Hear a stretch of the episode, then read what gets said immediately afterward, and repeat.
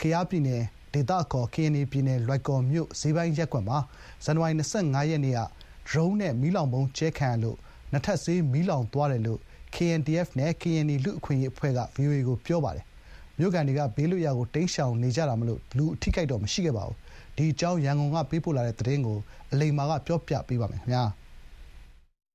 ကရင်နီပြည်နယ် လွိုင်ကော်မြို့ ဈေးပိုင်းရပ်ကွက်မှာ ဒရုန်းနဲ့ မီးလောင်ဗုံးကြဲခံရလို့ ဇန်နဝါရီလ ၂၅ ရက်နေ့ မနေ့က နှစ်ထပ်ဈေး မီးလောင်သွားပါတယ်။အဆောက်အဦးတော်တော်များများ မီးလောင်သွားတဲ့အကြောင်း ကရင်နီလူ့အခွင့်အရေး တည်ထောင်သူ ကိုဗညားက VOA မြန်မာပိုင်းကို အခုလို ပြောပါတယ်။ နေရာကတော့ကျနော်တို့ခေါ်တာကတော့ဒေသခေါ်ဖို့ဆိုရင်တော့လွိုင်ကော်မြို့ရဲ့နှစ်ထပ်ဈေးလို့လည်းခေါ်တယ်။ဗဟိုဈေးလို့လည်းပြောတာပေါ့နော်။အဲဒီနားတခွင်ဖြစ်ပါတယ်။အသေးစိတ်တော့ကျနော်မသိဘူး။ဒါပေမဲ့သေချာတာတခုကတော့အဆောက်အဦးတော်တော်များများမီးလောင်နေတာကိုတော့ကျနော်တို့တွေ့ရတယ်။”တလေးလုံးလွိုင်ကော်မြို့သိမ်းတိုက်ပွဲစတင်ကတည်းက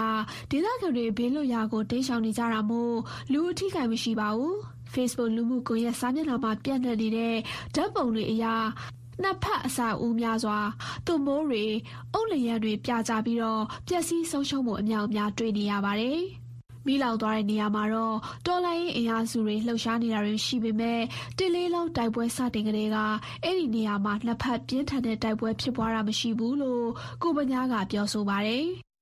ဒီနေရာကလည်းတိုက်ပွဲအလင်းဖြစ်တဲ့နေရာလည်းမဟုတ်ဘူးပေါ့နော်တိုက်ပွဲမဖြစ်တော့လည်းဟိုစားတဲ့လွတ်ကောတင်းကလေးကအဲ့ဒီနေရာမှာတိုက်ပွဲထူးထူးတွေ့ရှိတဲ့နေရာလည်းဟိုမဟုတ်ဘူးလေနော်စစ်ကောင်စီလည်းရှိတဲ့နေရာမဟုတ်ဘူးသူတို့ကတော့ကျွန်တော်တို့ပြီးတော့မှကျွန်တော်ဒီတော့အင်အားစုကလည်းအဲ့ဒီနားမှာဟိုအဝင်ထွက်တော့လာမှုတော့ရှိတော့ပေါ့နော်ဟိုအဲ့လောက်ပဲရှိပါတယ်ဒါပေမဲ့ဘာမှတိုက်ပွဲအလင်းဖြစ်ခြင်းမရှိဘဲနဲ့ဟိုရုတ်တရက်ပုံလာကျတဲ့ပုံစံမျိုးဖြစ်တယ်ဆိုတာကတော့ကျွန်တော်ပြောလို့ရပါတယ်လူလူထုကတော့အဲ့ဒီနားတို့ကမှမရှိတဲ့အတွက်ကြောင့်မို့ဟိုလူထုထိခိုက်နေနိုင်မှုတော့ဘာမှမရှိဘူးခင်ဗျဟုတ်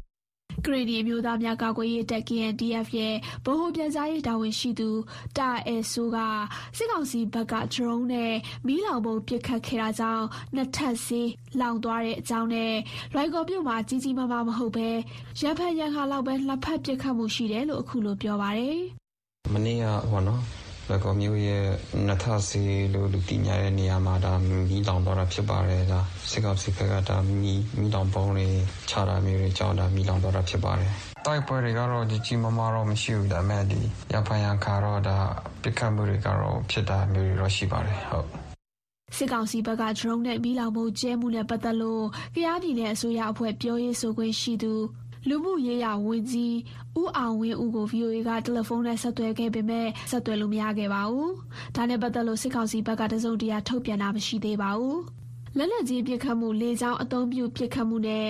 ဖမ်းဆီးတပ်ဖြတ်ခံရတာဆရာနာသိမ်းယူပြီးနောက်ပိုင်းကယားဂရီနီပြည်နယ်မှာအယက်သား900ကျော်တေဆုံးပြီးတော့နေအိမ်1500ထပ်မံထိခိုက်ပျက်စီးသွားပါတယ်။ဒီစီးရင်ကတော့ ကရင်နီလူခွင့်ရေးအဖွဲ့ကလက်လန်းမီသလောက်ပြုစုထားတဲ့စီးရင်ဖြစ်ပြီးတော့မြေပြင်မှာတိထက်မကများနိုင်ပါတယ်ရှင်။